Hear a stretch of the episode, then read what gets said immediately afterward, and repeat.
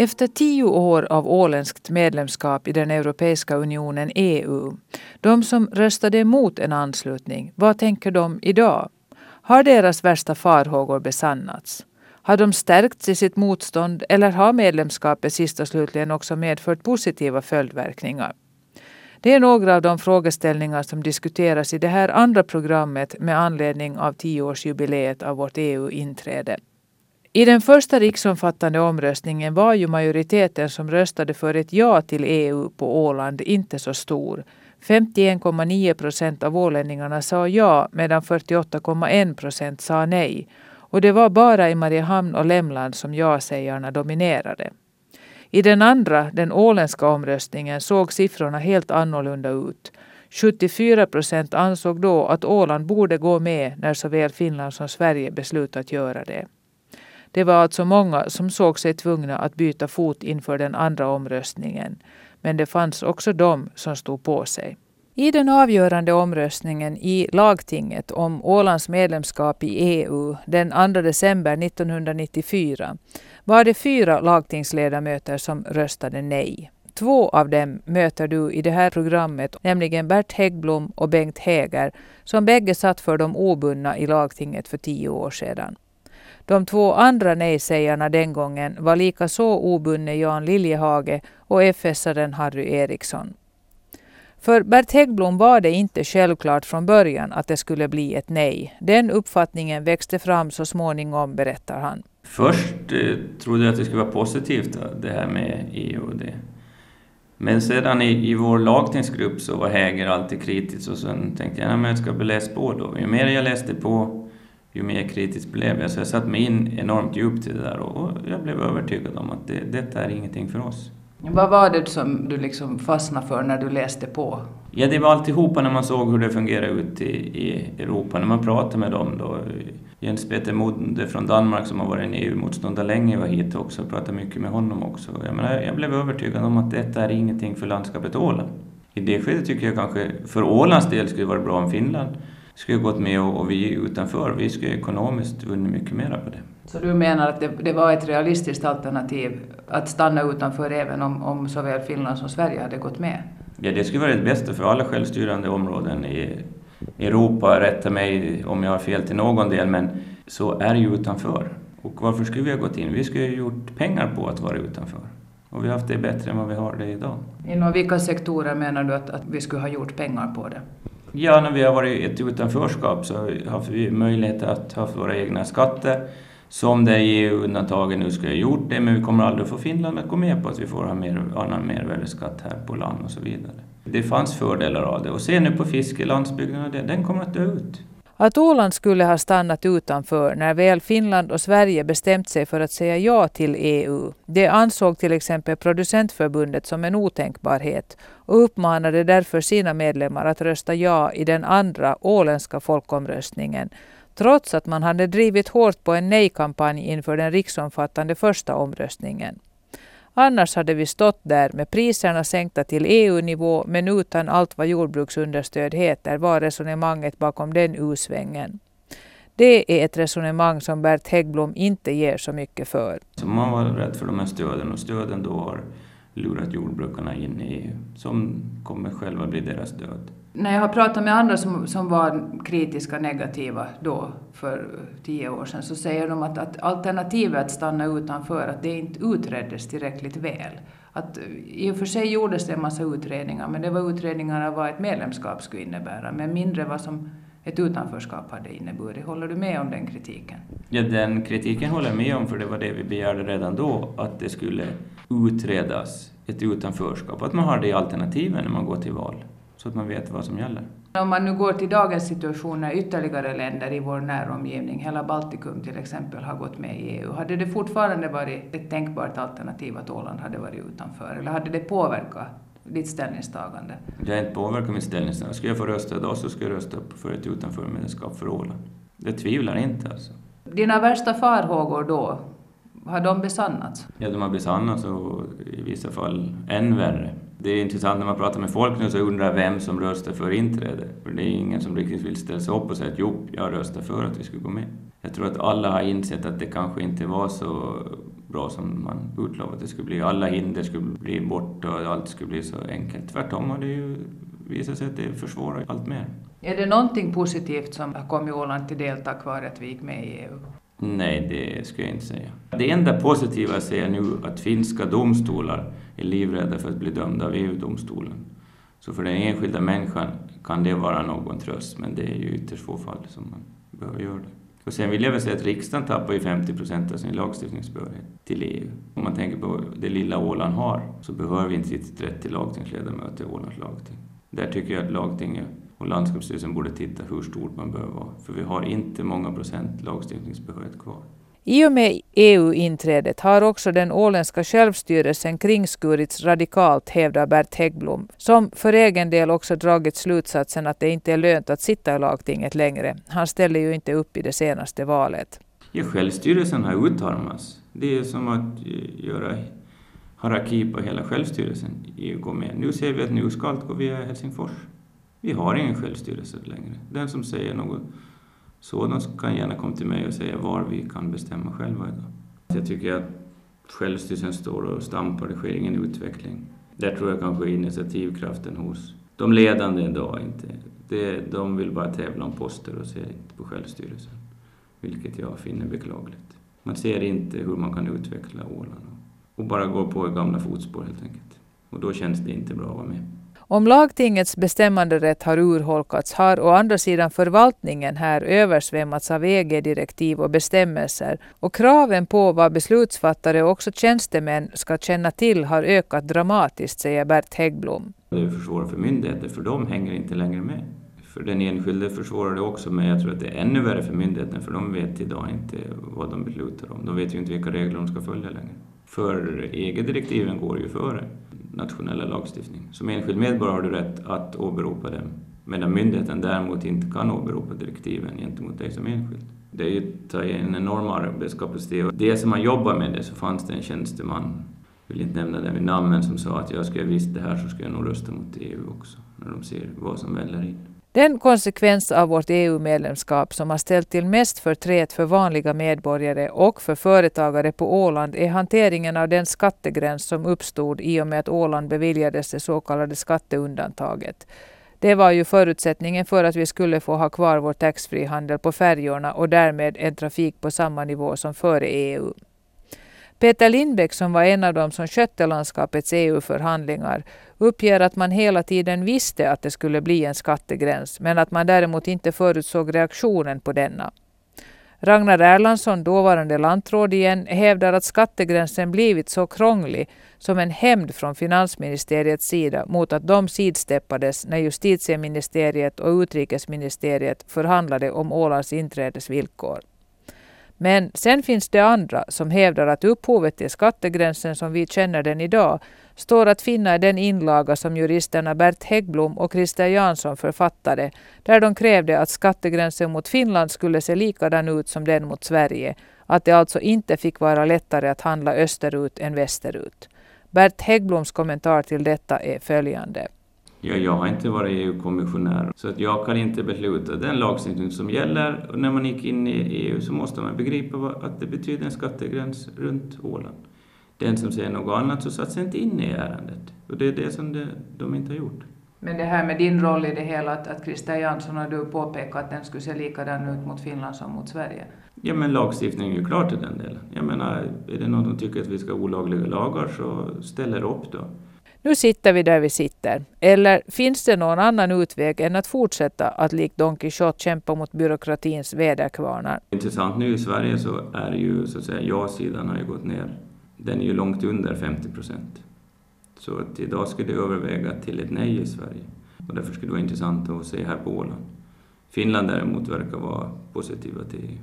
Varför vet jag inte, för hela landsbygdens näringar har ju slagits sönder i Finland också. Det var ju bara södra Finland som röstade ja till EU. Samma sak var det på Åland, det var Mariehamn och Lämland. Om man ser på hur det åländska samhället har förändrats under, under de här tio åren, har det förändrats mycket och kan det i så fall tillskrivas EU? Ja, jag skulle säga att landsbygden, du kan inte idag livnära dig på ett litet jordbruk som du kunde göra förut. Så att det blir större enheter. Många kanske säger då att det skulle bli det ändå, det tvivlar jag på. Visst går det mot större enheter och det betyder att landsbygden avbefolkas. Och jag menar, vad ska vi göra på Åland om 20 år? Det tycker jag är våra politikers största utmaning nu. Och inte hålla på att strida om olika poster, vem som ska vara här och där. Glöm bort KK-hus och sånt och titta på vad folk ska jobba med. Det är det man inte funderar det minsta det politiska och det är jag jättebesviken över. Den ökade rörligheten som det talas mycket om och, och de, de öppna gränserna och, och, så vidare, har det till den delen infriats de förhoppningar eller de förväntningar som utmålades för tio år sedan? Tvärtom ska jag säga, det har jag själv blivit drabbad ganska nyligen som visar att tvärtom har ju hindren ökat och det förvånar mig. Där tror jag att många ungdomar som röstade då för den här friheten märker att det blev ingen större frihet. Tvärtom har kanske reglerna blivit strängare och att man försöker se om sitt eget land istället och då stoppar man också inom Norden. Det är onekligen en svart bild av EU-medlemskapet som, som du målar upp. Är det ett oåterkalleligt beslut då? Jag har sagt att man ska göra det bästa av situationen. Det är jag inte den, den första underskrivaren. Man ska utnyttja den, så att säga, EU-medlemskapet när man är där. Och då ska man jobba för det. Man ska jobba för de fattade demokratiska besluten. Det är inte frågan om annat. Men det hindrar inte att man har ögonen öppna för andra möjligheter. Jag menar, varför inte gå ur som Grönland gjorde i tiden? Men Åland är kanske mera länkat till närområdena runt omkring än vad Grönland exempelvis är? Ja, det är så att vi är för fega, vi ålänningar. Det är det som är problemet. Vi är för fega är alltså Bert Häggbloms slutsats. Och han har också en klar uppfattning om vilken ställning Åland och de glest befolkade delarna av Nordeuropa har i EUs framtidsscenario. Jag har sagt att Mellaneuropa vill ha Norden som rekreationsområde och det står jag fast vid att det, det är målsättningen. Sa alltså Bert Häggblom, en av de fyra som i lagtinget röstade nej till ett åländskt inträde i EU för tio år sedan. Det gjorde också hans partikamrat Bengt Häger. Det här var ju en, en, en lång procedur till komma till det beslutet egentligen från min sida sett. Då. Eh, när den här EU-diskussionerna kom igång så, så då börjar man ju fundera, vad är rätt? Och så började jag eh, faktiskt läsa vad jag, allt, allt vad jag kunde komma över. Jag var en skeptiker i början får man säga, eller så här hade ganska mycket frågetecken och, och det här. Och mer jag läste och mer jag liksom tog del av EU, det var ju EG och så, som då förvandlades till EU. Så dess mer tveksam blev jag. Och, och jag eh, jag talade med danskar och jag talade med tyskar som har varit med och, och sa vad säger ni? Och, och, speciellt danskarna som då har varit med i 20-tal år sa akta er för det här sa de för att det här liksom är, ja man kanske inte ska säga binda upp händerna på ryggen men, men lite åt det hållet fick jag det. Och det gjorde då att, att jag blev mer och mer övertygad och till sist vart jag en kraftig motståndare till EU för jag, jag såg mycket negativt. Visst, det kanske, det kanske fanns en positivt i bakgrunden. Det var svårt att utvärdera det för Eh, det var ju mycket propaganda från alla håll och kanter. Och det var mycket pengar i spel för, för ja-sidan för där fanns då industri och det fanns mycket som så att säga pumpade in pengar på den sidan som så att säga påverkade debatten och, och informationsflödet på alla sätt. Och sen då så, så vi satt ju i lagtinget vid dem från, från den obundna sidan, Bert och jag bland annat då. Och han, var, han såg nog fördelar så han var för han i början. Men an eftersom det gick så vart han en värre motståndare än vad jag var tror jag nästan på slutrakan. Så att vi, vi tvekade absolut inte i det ögonblicket utan vi ansåg att det negativa övervägde enligt vår syn då det, det positiva. Och det, det, var det ena. Det andra var det, alla dessa frågetecken som vi inte liksom kunde få besvarade. Var sociala sidan och allt, hela näringslivet och domstolsväsendet. Man sa att det kommer Europol och det skulle komma, alltså e- europeiska polisen skulle liksom träda in då. Och det här med öppna gränser och vad egentligen resulterade i. Så det var, det var väldans mycket frågetecken och innan vi hade fått dem besvarade så på ett vettigt sätt så tyckte vi att nej, det här kan vi liksom inte gå med på förrän vi vet något mer. Det var alltså en, en helhetsbedömning som, mm. som gjorde att, att ni tyckte det negativa övervägde över det positiva. Ja. Det var inte Eh, kan vi säga, punktfrågor, enskilda frågor som ni såg som speciellt besvärliga då?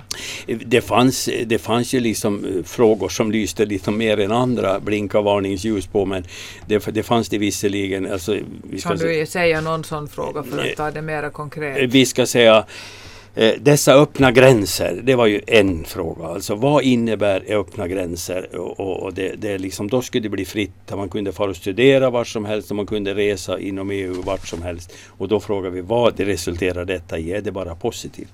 Eh, näringslivet, jordbruket, eh, Fisket, och det, det, hade vi inte en uppfattning om, det har vi erfarenheter av idag. Men det, det fanns många. Och sen sociala sidan då, som vi ansåg att vi ligger på ett, en högre social säkerhet om man får säga eh, då än vad vi eh, kunde om vi tittar neråt i Europa var de låg eh, likvärdigt med oss. Med eh, facit i hand och tio års perspektiv på, på det här med EU-medlemskap, hur, hur tycker du att det blev? Besannades era värsta farhågor eller hur ser bedömningen ut idag? Skulle det ske en, en, en ny omröstning så, så står jag faktiskt fortfarande kvar. Inte av envishet men av, av, av, inre övertygelse. Jag tror att många med mig skulle svänga på steken. Alltså man, för man märkte då efter, efter röstningen när man frågar folk när man har liksom varit inne i ett tag och man börjar skönja konturerna de som hade röstat nej, de ville liksom inte deklarera det. Så att jag ska säga att med, i dagens läge, visst blev det besvärligt. Det finns fördelar, det finns fördelar. Och, men, men nu vart det ju bedrövligt både för mm, fiske och, och jordbrukare och ja, det mesta ska jag säga som så griper det in i och dessa evinnerliga EU-lagar och paragrafer som vi ska då acceptera. Jag kan bara säga som en parentes att medan jag satt i landskapsstyrelsen under de tre, fyra åren så antog vi 1300 lagar och direktiv. Bara på de åren. Så jag bad då lantrådet Roger Jansson skaffa en stämpel där, vi kunde, där det stod tagit del godkänt. För liksom, när vi fick dem på bordet, vi satt ju bara liksom och tittade. Att, ja, det, men det var bara att ta det. Va? Och då frågar man, har vi precis avhändat oss allt eget ansvar? Och vi, vi var helt satta under förmyndare, så upplevde jag det. Ja, det var väldigt jobbigt. blev en gummistämpel för beslut som var tagna någon annanstans. Ja, visst, ja, men så är det idag. Alltså, det bara flödar ju. De stackarna som fick in de här bingarna varje dag och skulle sitta och sortera de här EU-pappren. Jag tyckte synd om dem för det var ju bara papperskorgen eller vidare till någon då som skulle ta beslut i det. Och det var det ju i princip bara att nicka jag är en sån människa, liksom, jag har svårt att svälja det andra har tuggat, så att, om jag får säga det så. Att, att jag, jag, liksom, jag vill skaffa mig ett eget omdöme innan jag säger bu eller bä. Menar du att Åland då för tio år sedan hade ett reellt val? Att det var ett verkligt alternativ att Åland skulle ha stannat utanför om både Finland och Sverige gick med? Vi, alltså, vi, vi såg då, vi några som kämpade med det här då och, och med mycket små medel, var nästan ingenting, men i alla fall. Då ville vi liksom ha den här frågan utredd. Alltså vad, kan någon förklara för oss eh, någorlunda vettigt vad innebär det om vi står utanför och vad innebär det om vi går med? Liksom, om man då kunde se något perspektiv på det här. Eh, det var ju det vi liksom efterlyste att, att för att konkretisera och verkligen få tyngd bakom det hela. Vi, vi, har tagit del av allt som fanns och jag måste säga att jag läste mycket och försökte utan förbehåll skaffa mig en uppfattning om det och jag var bara mer övertygad. Så att jag skulle säga att inte blev det så många trodde. Jag tror att om vi ska ha en röstning idag, det skulle vara väldigt spännande att se var den landar någonstans. Sen är det frågan att realismen i det hela, det, det är det man måste utvärdera men det gjordes aldrig det. Men menar du att frågan utreddes för dåligt under perioden före omröstningen? Peter Lindbäck hävdar ju då som en av av de som förde förhandlingarna att, att det gjordes väldigt grundliga utredningar. Men det låter ju på dig nu som att du tycker att det, det utreddes inte tillräckligt. Nej, och jag, det var ju Harry Jansson då, Peter Lindbäck, som, som jobbar med det här och jag, tror, jag litar på att de gjorde allt vad de kunde för att så att säga se framåt så långt som möjligt. Jag, jag tror det säkert.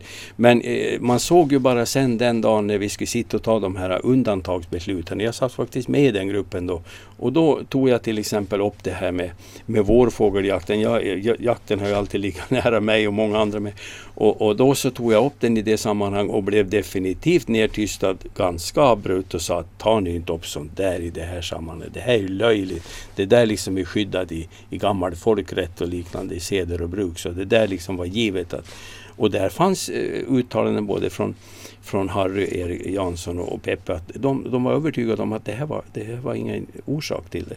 Så att där ser man liksom att man trodde mycket men, men, och det var en utav många saker men som, som man då trodde fel. Finns det annat som har gått åt fel håll som man inte hade någon aning om att det skulle bli en sån utveckling? Ja, no, fisket, är ju, fisket jag menar, det, var, det har ju, idag har vi fler tjänstemän än vad vi har fiskare och, och ja, det, det, är grymt när vi mår mitt i havet att vi så att säga kan, kan, att det skulle kunna fungera på ett vettigt sätt.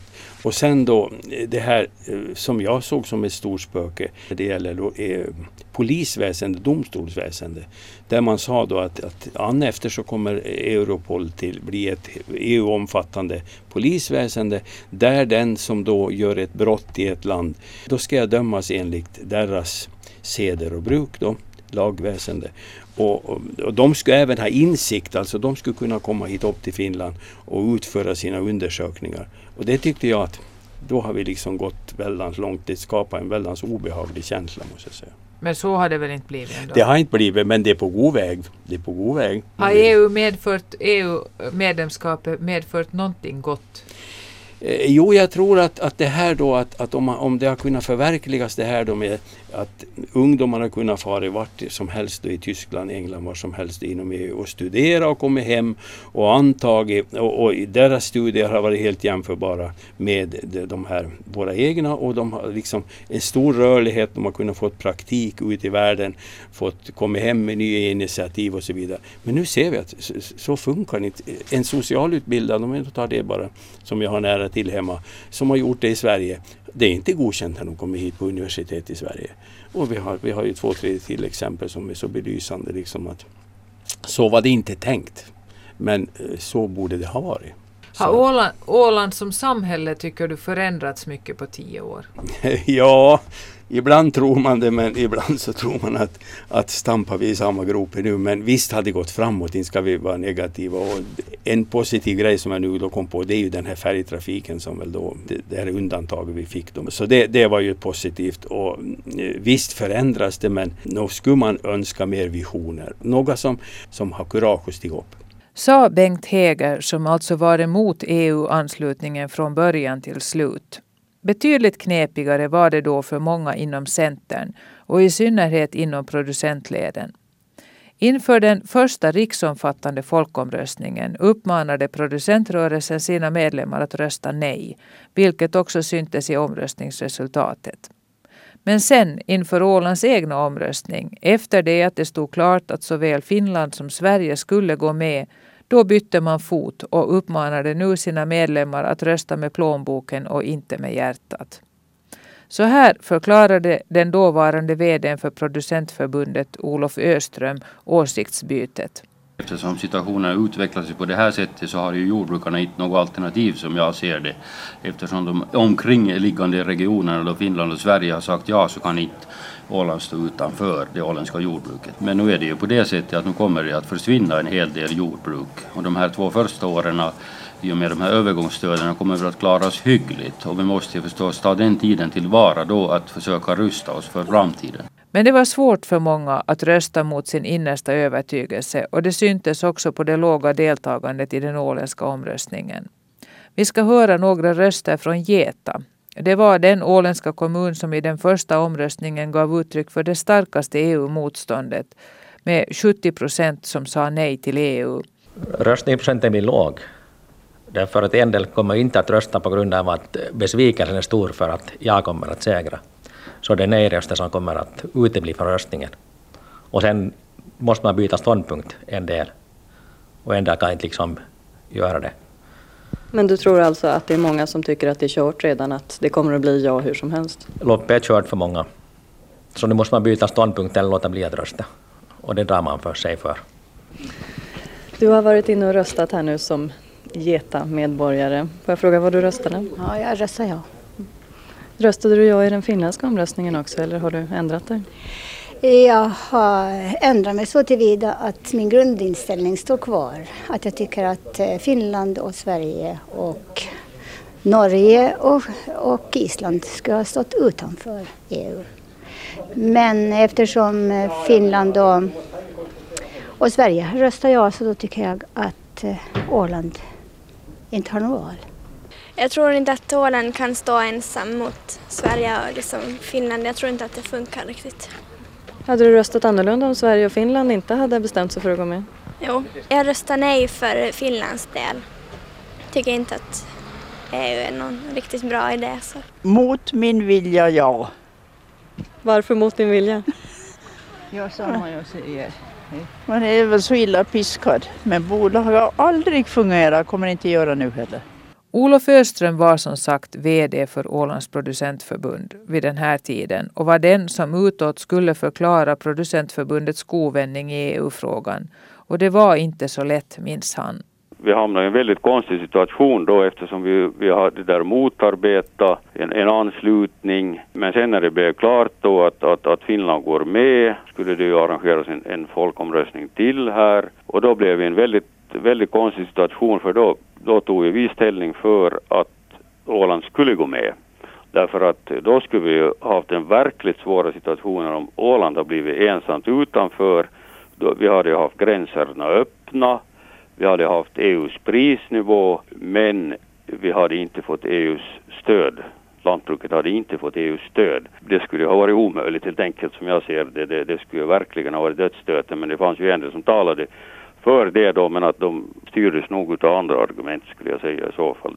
Olof Öström följde under flera år lantbrukarnas kamp om bästa möjliga villkor från insidan. Redan EES-avtalet försämrade de inhemska lantbruksprodukternas konkurrensförmåga på marknaden och värre skulle det bli man märkte det också på, särskilt på trädgårdssidan, att, att det här gränsskyddet så började nog luckras upp lite. Man ingick ju först det här EES-avtalet. Påverkades jordbrukssektorn redan i det skedet? Det gjorde den nog, jo. Alltså den här licens, eh, man måste ju, tidigare måste man ha, in, ha importlicenser men att sen blev, var det ju nog höga tullar. Det blev en hög tullnivå att, att eh, det påverkade, nog påverkade EES-avtal i den här lantbrukspolitiken. Det gjorde nog diskussioner och man såg nog vartåt det lutade skulle jag säga. Det säkert kunde man ju inte vara men, men eh, jag skulle nog säga att, att man var lite, lite illa förberedd på det här. Egentligen så ville man inte, lantbrukarna heller inte ta sig till den här diskussionen diskussionen. Det är därför att det är EUs lantbrukspolitik så visst var det säkert många som kände till det men inte detaljerat. Det var någonting väldigt nytt. Den här diskussionen det dröjde länge förrän den kom igång. Så att säga. Var den allmänna inställningen från de åländska lantbrukarnas sida negativ? Den från klart, början? Den var klart negativ från början, ja. Jag kan inte påminna mig att jag skulle träffa en enda lantbrukare som skulle ha varit, varit där positiv till EU. Och, och det blev ju på det sättet också att uh, intresseorganisationerna då SLC och MTK så, så var ju emot ett, en EU-anslutning. Fast nu skulle jag säga att, att man på ledande håll var ganska starkt medveten om att antagligen så kommer Finland att bli medlem. Nu räknar man med det på, på ledande håll att det kommer att gå så men att naturligtvis höll man ju hårt emot också för att skaffa sig en så bra förhandlingsposition som möjligt. För att eh, de starka opinioner i landet som ville, ville ha ett EU-medlemskap så, så ville naturligtvis också ha, ha lantbrukarna var en, trots allt en ganska stor grupp att man ville ha dem med då, opinionsmässigt. Det var ju också ett taktiskt drag det här då att, att, att vara starkt emot för att man ska försöka få så bra villkor som möjligt vid ett eventuellt medlemskap. Vad var det man från lantbrukshåll var mest rädd för? Det var ju, man visste ju att prisnivån skulle mer än halveras. Man visste inte hur stöden skulle utformas och man var rädd för att handeln i livsmedelsindustrin skulle importera stora mängder och det, att man exempelvis sa på chipsen då att holländsk potatis är så billig att man ska, man ska importera den.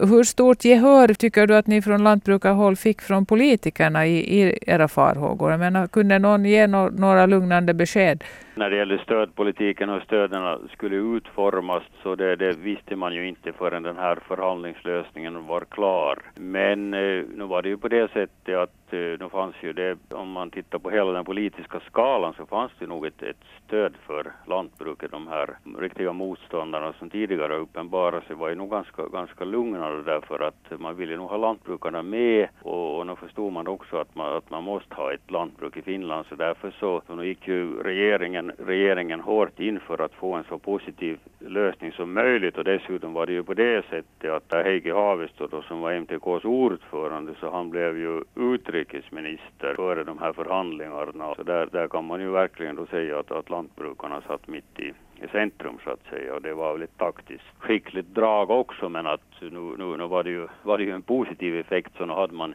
stöd av politikerna i, i landet nog för att man skulle få en så, så bra förhandlingslösning som möjligt. Men det var ju förstås inte lätt eftersom Finland är ett nordligt land och man måste få tillstånd att betala extra nationella stöd som helt skulle finansieras nationellt då som inte, inte betalas av EU och som inget annat EU-land heller har på grund av utav det nordliga klimatet då, och det, det var ju minsann inte lätt.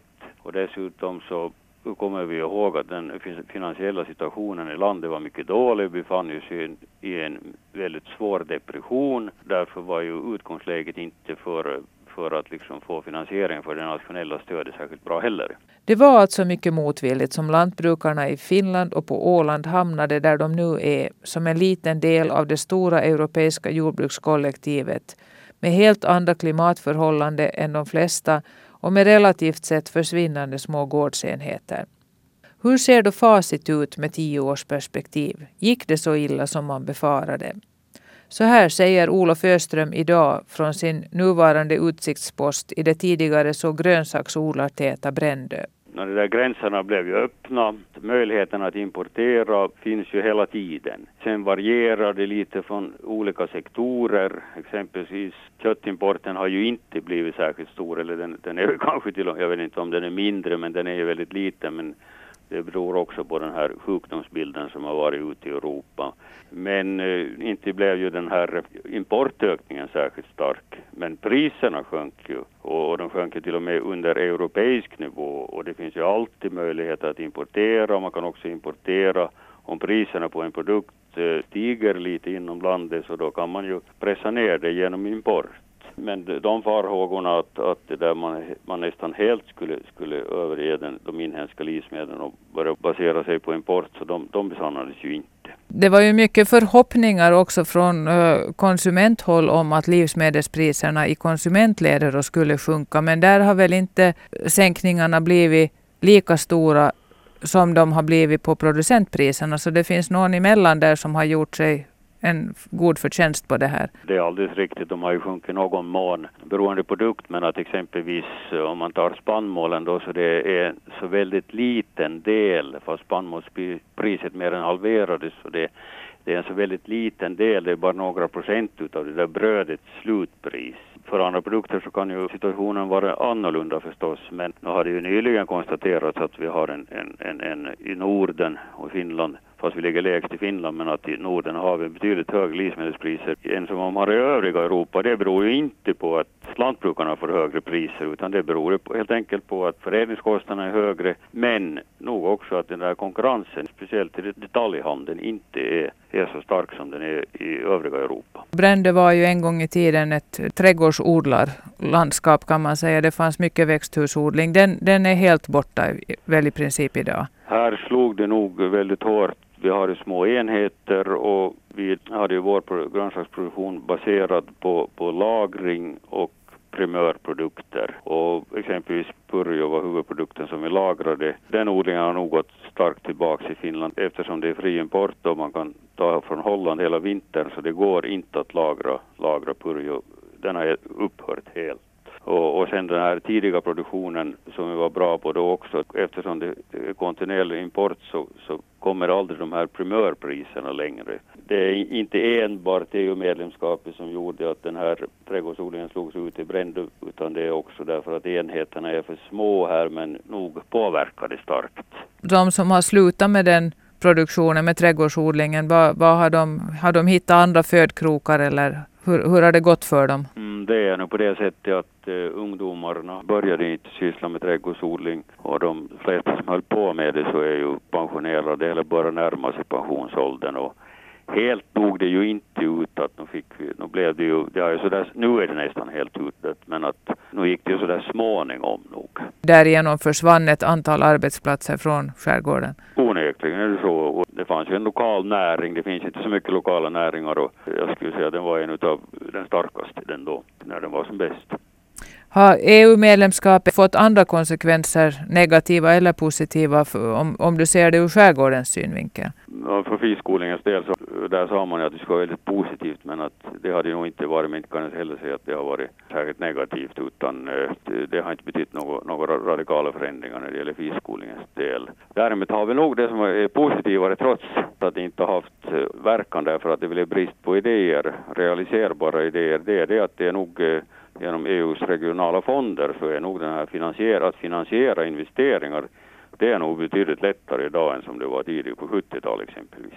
Det finns pengar men det, det är brist pengar. på idéer? Det är brist på idéer som, som är ekonomiskt genomförbara. Ja. Tycker du att, att EU-medlemskapet har medfört konsekvenser som ingen hade räknat med? Jag menar, är det någonting i utvecklingen under de här tio åren som, som har förvånat dig?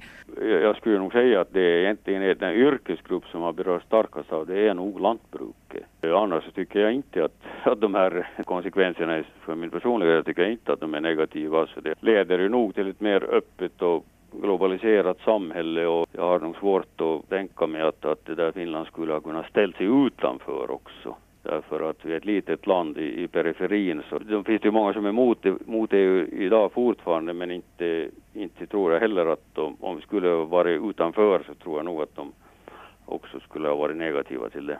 Inte så illa trots allt är alltså Olof Öströms betyg för våra första tio år som EU-medlemmar.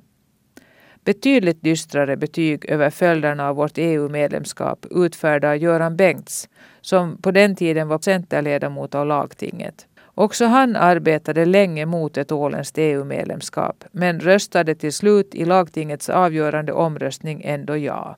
Jag har ju själv tidigare varit med i de här riksförhandlingarna om, om, med lantbruk eftersom jag var producentförbundets ordförande. Jag vet när man då redan förhandlade fram priskompensation mellan jordbrukare, olika mjölkproduktion och spannmål så var det ytterst svårt att, att få den fördelningen skött på ett riktigt sätt. Och jag befarar att, att, eh, om man eh, sen då överlämnar de här besluten till, till EG och Bryssel eh, där, där man har helt andra värderingar för, för lantbruket bland annat så skulle man ha ett världsmarknadspris och, och det betyder ju att vi här uppe i Norden som har höga kostnader på, på djurhållning för, för ladugårdar med vår klimat och som fordrar helt andra investeringar och, och då har jag svårt att tänka mig hur vi skulle klara det på, på sikt. Och, och framförallt så skulle man ju jämna ut så att säga jordbruket då inom hela den här regionen. Vi vet att det är så enormt stor skillnad mellan södra Europa och, och, och norra Europa och, och framförallt mellan spannmålsodling och, och, många andra grenar. Och sen öppnar man ju gränserna då för import av, av livsmedel som var en av styrkan i Finland att man hade kontroll på importbiten. Att det, det man producerar landet så, så det kunde då man sälja åt sina egna konsumenter.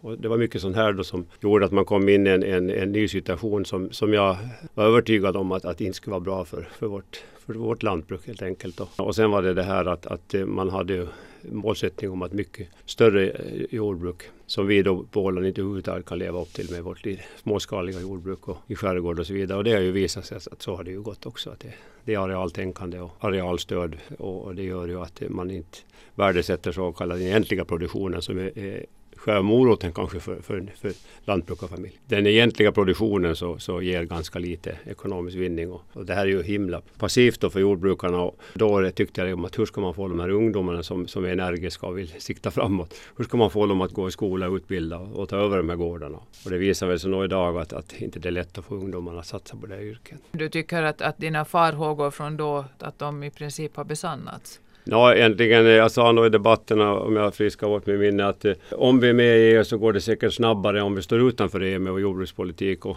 problemet var då för, för min del att man inte sen då ytterligare kanske reserverar sig i röstningarna i lagtinget, så var ju det att jag krävde då att man borde också titta på alternativen om man skulle stå utanför. Men, men eh, det hade man nog inte ork och inte kraft kanske och inte kunnande heller här på Åland att ta fram den modellen. Utan man var ju ganska ställd att det fanns bara ett sak och det var att gå med i EU. Och det var ju många som var kritiska. Men, men jag tror nog att man har fått det besannat idag. Det finns ju många exempel hur, hur illa det har gått egentligen. Göran Bengts sällar sig alltså till dem som anser att ett åländskt utanförskap aldrig utreddes ordentligt han anser också att många av hans värsta farhågor inför medlemskapet har besannats. Idag har ju då Finland hamnat precis samma läge som Åland var, var på den tiden. Att nu får man fara till Bryssel och knäppa händerna och förhandla om alla möjliga rättigheter. Och, och det finns ju många sådana här exempel som är ganska jordnära. Att I Finland kan man inte bestämma, inte Åland heller, om man ska skjuta en varg som river får eller om man har ett, ett lodjur som är mycket besvärligt för ortbefolkningen. Så måste man ner till Bryssel och, och fråga i sådana här små frågor. Det finns ju otaliga sådana exempel hur, hur snett det har gått i det här samhället och det har betytt tycker jag, då en ökad byråkrati som har gjort att vi har fått kostnader på, på oss här på Åland som, som gör att den debatten som förs idag, att vi har för stor byråkratisk apparat här i förhållande till vår produktion. Och det är en orsak av, av EU. De här eh, projekten som man kör, samprojekten med EU-finansiering och landskapsfinansiering inom det här paketet KRUT som man talar om som jag har varit med och ansökt i Störda hästavelsföreningen och, och dragit sådana projekt. Då. Det är nog sån byråkrati att det är nog inte så många som orkar med den sista slutningen. Och det har blivit en viss rädsla också bland tjänstemännen och det har jag en viss förståelse för. EG-revisorerna kommer upp och granskar hur man har använt pengar. Och vi har nog hamnat, eh, tycker jag, då en, en, en sån här spiral som inte passar oss ålänningar lite. Vi, vi är vana med närdemokrati. Svensson på gatan som kan falla upp och ringa på på lantrådets dörr och säga hörru det här är åt helsike det här att vi måste få det ändrat. Vad gör man idag? Man, man, man är ganska... Man skickar petitioner till Bryssel? Ja, man skickar någon delegation eller något, något brev och så vidare. Och sen det här med, med, just med den här livsmedelsbiten som, eh, som jag sa tidigare, att man kan öppna de här gränserna. Så var ett tv-program i Sverige där man intervjuade en långtradarchaufför. Han körde ost ifrån Sverige till Holland. Så frågade de vad kör du tillbaks då? Jag kör holländsk ost tillbaks till Sverige. Och det här har gjort att, att den här miljöbelastningen som man försöker komma åt, åt jordbruket med de här så kallade bindgrödorna så, så har man öppnat upp med, med en, med en långtradarkörning genom Europa kors och tvärs som ett, ett spindelnät som, som belastar miljön säkert många gånger mera. Och det här visar liksom hela den här EGs, man blir i konflikt med sig själv så att säga. De negativa följderna berör ingalunda bara jordbruket understryker Göran Bengts. Fisket är ju en annan traditionell åländsk näring som platsar dåligt i vår nya sköna EU-värld. Fiske till exempel nu som är viktigt för Åland så det har ju gått väldigt tokigt och inte, inte var det sådana utredningar överhuvudtaget vad det skulle hända. Jag säger, hävdar nog att den där utredningen om, om, om alternativen, hur, hur, så det, det, fanns, det var nog för dåligt. Som du ser det så fanns det ett politiskt alternativ att stanna utanför. Men fanns det också efter det att Finland respektive Sverige hade bestämt sig för att gå med? Hade Åland ensamt kunnat stå utanför?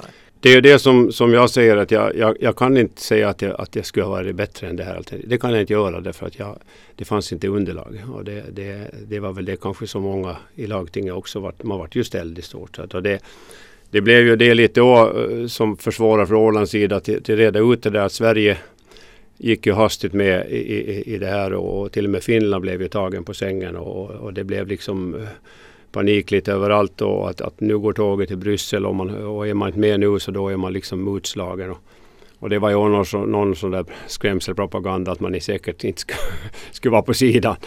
Eh, för att säkert hade varit möjligt att, att kunna ansöka till senare. Det, det, det är nog min uppfattning sen. Hur var stämningarna inom Centerpartiet? Jag menar det, du, du, var skeptisk men det var Ragnar Erlandsson som var satt som lantråd för Centern och som, som så att säga lotsade in Åland i, i EG nu diskuterar vi ju kritiskt att liksom, vad, vad händer, är det bra och så vidare. Och Ragnar drev ju ungefär, vi ska försöka få så många undantag som möjligt. Och, och det blev ju ganska många undantag med den kunskap man hade vid den tidpunkten. Men inte hade man ju liksom kunskap om, om, om EGs framtida uppfattning om, och, politik. Den ändras ju hela tiden. Man har så kortsiktiga program. Det enda som är, är nu ganska stabilt och så är ju faktiskt mjölkproduktion vet man, jag tror det är 2014 så har man det här regelverket klart. Men annars när det gäller sockerbetsodling och så här, det är nästan ett år och två år, det är korta program. Och det är ju det här som gör att, att många näringar eh, stannar av i sin utveckling. Man, man vet inte vad som händer. I den slutgiltiga omröstningen i lagtinget så då röstade ni inom Centern för? Det, var det med långa tänder? Det var nog med många långa tänder, ja. Det, det, det, det är ju så. Men det, det, fanns egentligen inget alternativ då som, som åtminstone som politiker man kunde gå ut och försvara. Att man kände att det var fel, det, är så många gånger. Är det någonting som har, har skett på grund av det här medlemskapet som har kommit som en total överraskning? Det kan väl säga det här NATO-medlemskapet, man diskuterar då liksom hur självstyrelsen ska få ha sin rätt kvar och så, sånt har ju dykt upp som man egentligen inte kanske ens hade funderat på. Däremot så en av orsakerna också varför jag var, var, var, negativ så var ju lite det här då att, och som man väl besannas nu då, att, att självstyrelsen på något sätt, vi har, vi har gett behörighet ifrån oss men vi har, vi liksom har inte fått någonting istället. Det har ju gjort att, att självstyrelsen på något sätt har minskas eftersom vi, vi, måste gå via Finland och förhandla. Och, och, det håller vi fortfarande på. Det borde man ju då vid den tidpunkten redan ha begärt att vi skulle ha fått full förhandlingsrätt och bevaka våra egna frågor. Att det är en fråga nu som, som inte alls diskuterades på den tiden. Men, men den är ju på agendan idag och det är möjligt att eh, den har lite förbättrats de senare åren. Att vi har möjlighet nu att, att agera. Men det är nog en helt ny fråga som har dykt upp. Mm. Och sen är det nog det här som jag tycker EG nu har visat. Det här med. Det är svårt att hålla reda på sin ekonomi och sin ärlighet. Det är mycket mygel. Det känns inte heller bra. Det tycker jag har varit nog bättre i Finland på något sätt. Att det är ganska ärligt när det gäller pengar och ekonomi. Det är inga mycket så här som förekommer nu. Och större, större det blir så större smällar kommer det när folk kan inte handskas med sina ärenden. Är det någonting som har blivit bättre? Vad som har blivit bättre så, så är säkert det här att du kan du resa ganska fritt i Europa idag förstås över gränserna. Det här med gemensam valuta så no, no förenklar ju det och bara alla går med den. Det förenklar ju om du ska röra dig ut i världen det här med EG-valutan, för den är ju, den är ju jämställd med dollarn idag om du får reser ut i världen. Så det, det är ju en sak som har då kanske blivit bättre. Det är i de stora övergripande frågorna som vinsterna med EU-medlemskapet finns. Det stora problemet är den detaljstyrning som finns och som ger till resultat att så mycket blir fel när samma raster läggs över så vitt skilda samhällen. Jag är nästan övertygad om att, att man kommer att måste delegera tillbaks mycket sådana här mindre frågor som, som är speciella för, för varje lands särart. Sa alltså Göran Bengts, fortsatt EU-skeptiker. Och han får sista ordet i det här andra programmet om Ålands första tio år i EU. Därmed har vi ingalunda sagt allt. Nej då, vår speciella EU-bevakning fortsätter nu med en serie inslag i Åland idag och en debatt kommer det också att bli. Så på återhörande i EUs tecken.